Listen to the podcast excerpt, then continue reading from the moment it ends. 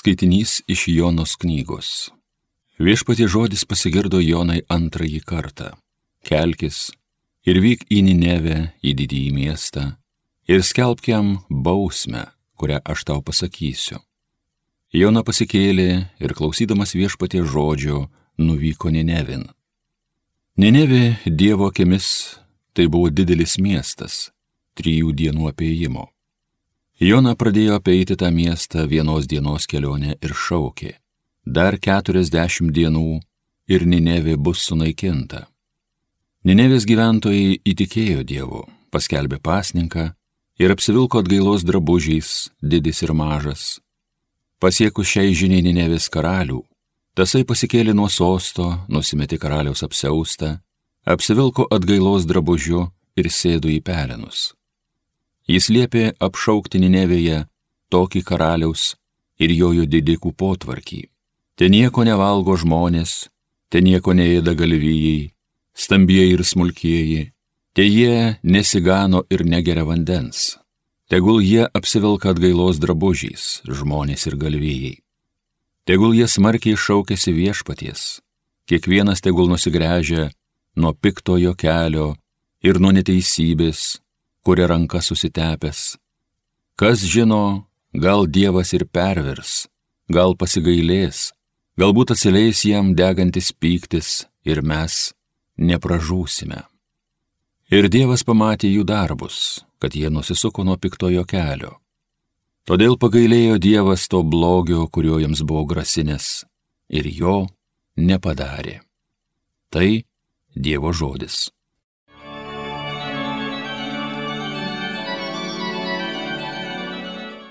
Graudžios nuolankio širdies tu Dieve neatstumsi.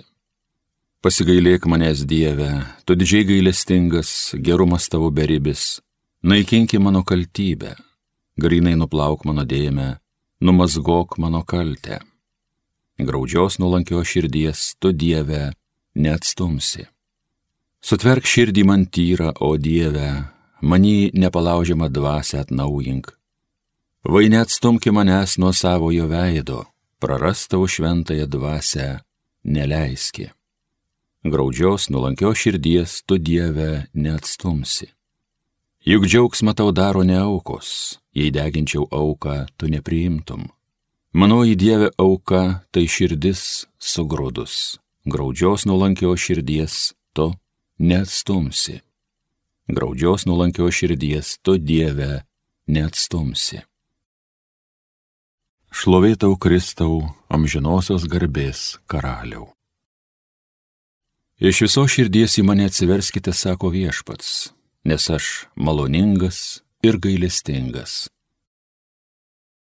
Šlovėtau Kristau, amžinosios garbės karaliau.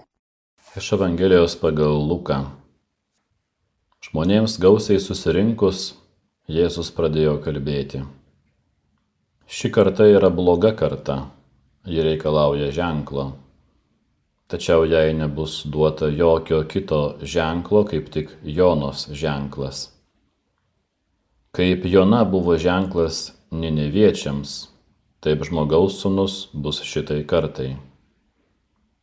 Pietų šalies karalienė teismo dieną prisikels kartu su šios kartos žmonėmis ir juos pasmerks nes jie atkeliavo nuo žemės pakraščių pasiklausyti Saliamono išminties. O štai čia daugiau negu Saliamonas. Ninevės gyventojai stols teisme draugė su šia karta ir ją pasmerks, nes jie atsivertė išgirdę Jonos pamokslus, o štai čia daugiau negu Jona.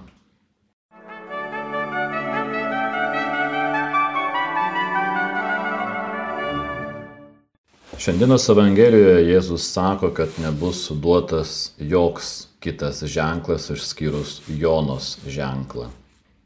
Koks tai yra tas Jonos ženklas?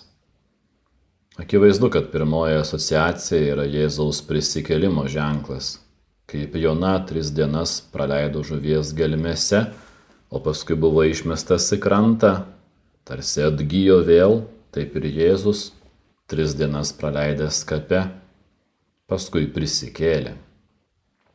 Tačiau į Jonos ženklo klausimą galima pažvelgti plačiau arba kitaip.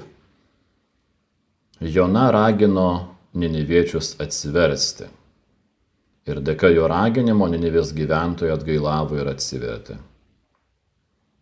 Tačiau pažvelkime atidžiau į šį atsivertimą, kurio įrankiu buvo Jona. Prieš kviesdamas atsiversti, pranašas Jona turėjo atsiversti pats. Šios dienos pirmajame skaitinėje Dievas jau antrą kartą pašaukė Joną. Kartais ir mums reikia išgirsti kvietimą dar ir dar vieną kartą. Mums atrodo, kad mes esame atsivertę Mes turime kažkokį savo įsivaizdavimą apie Dievą, apie tikėjimą, apie gyvenimą.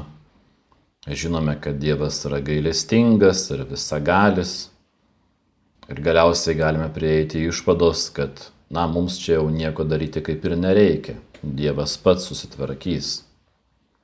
Tačiau Dievas nenori išgelbėti žmogų be žmogaus pagalbos.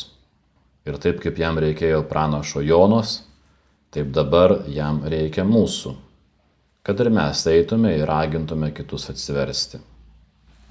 Tačiau pirmiausia, mums reikia patiems atsiversti savo požiūrėje į gyvenimą, į Dievą, atsiversti tam, kad pagaliau išgirstume, ką Dievas mums byloja per savo žodį.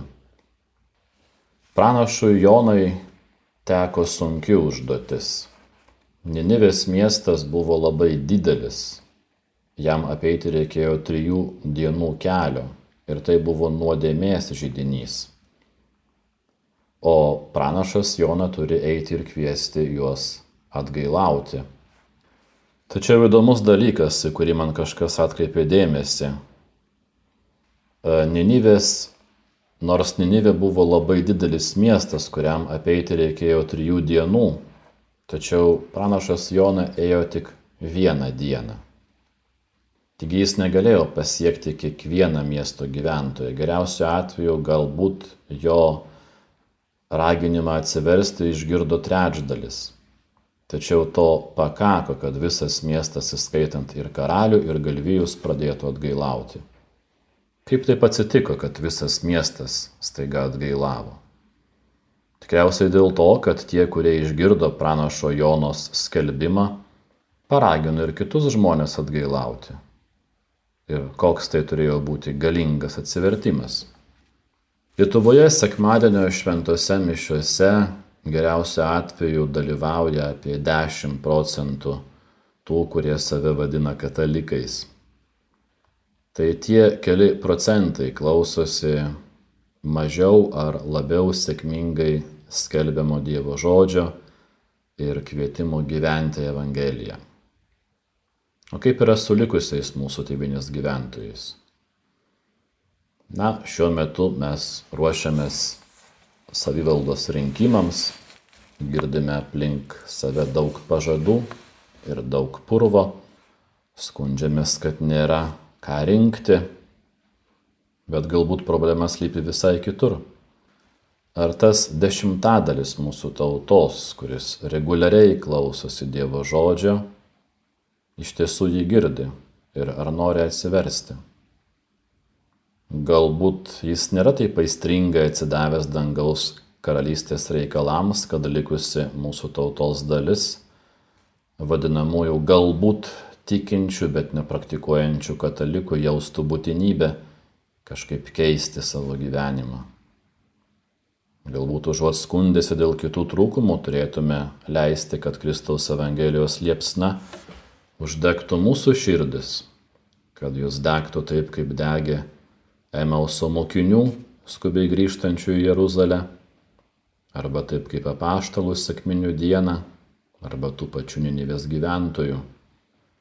Mums tikintiesiems reikia vis iš naujo atsigręžti į Jėzų, kad ir kiti galėtų sutikti Kristų.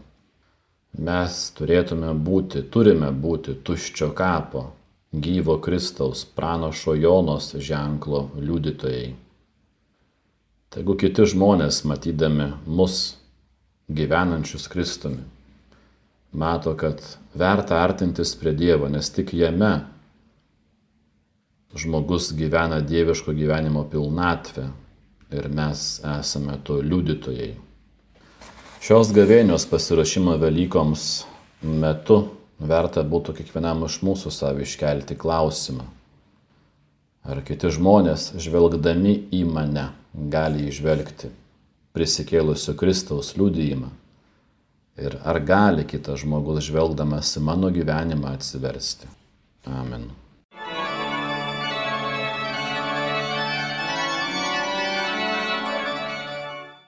Homilija sakė kunigas Vladimir Solovėjai.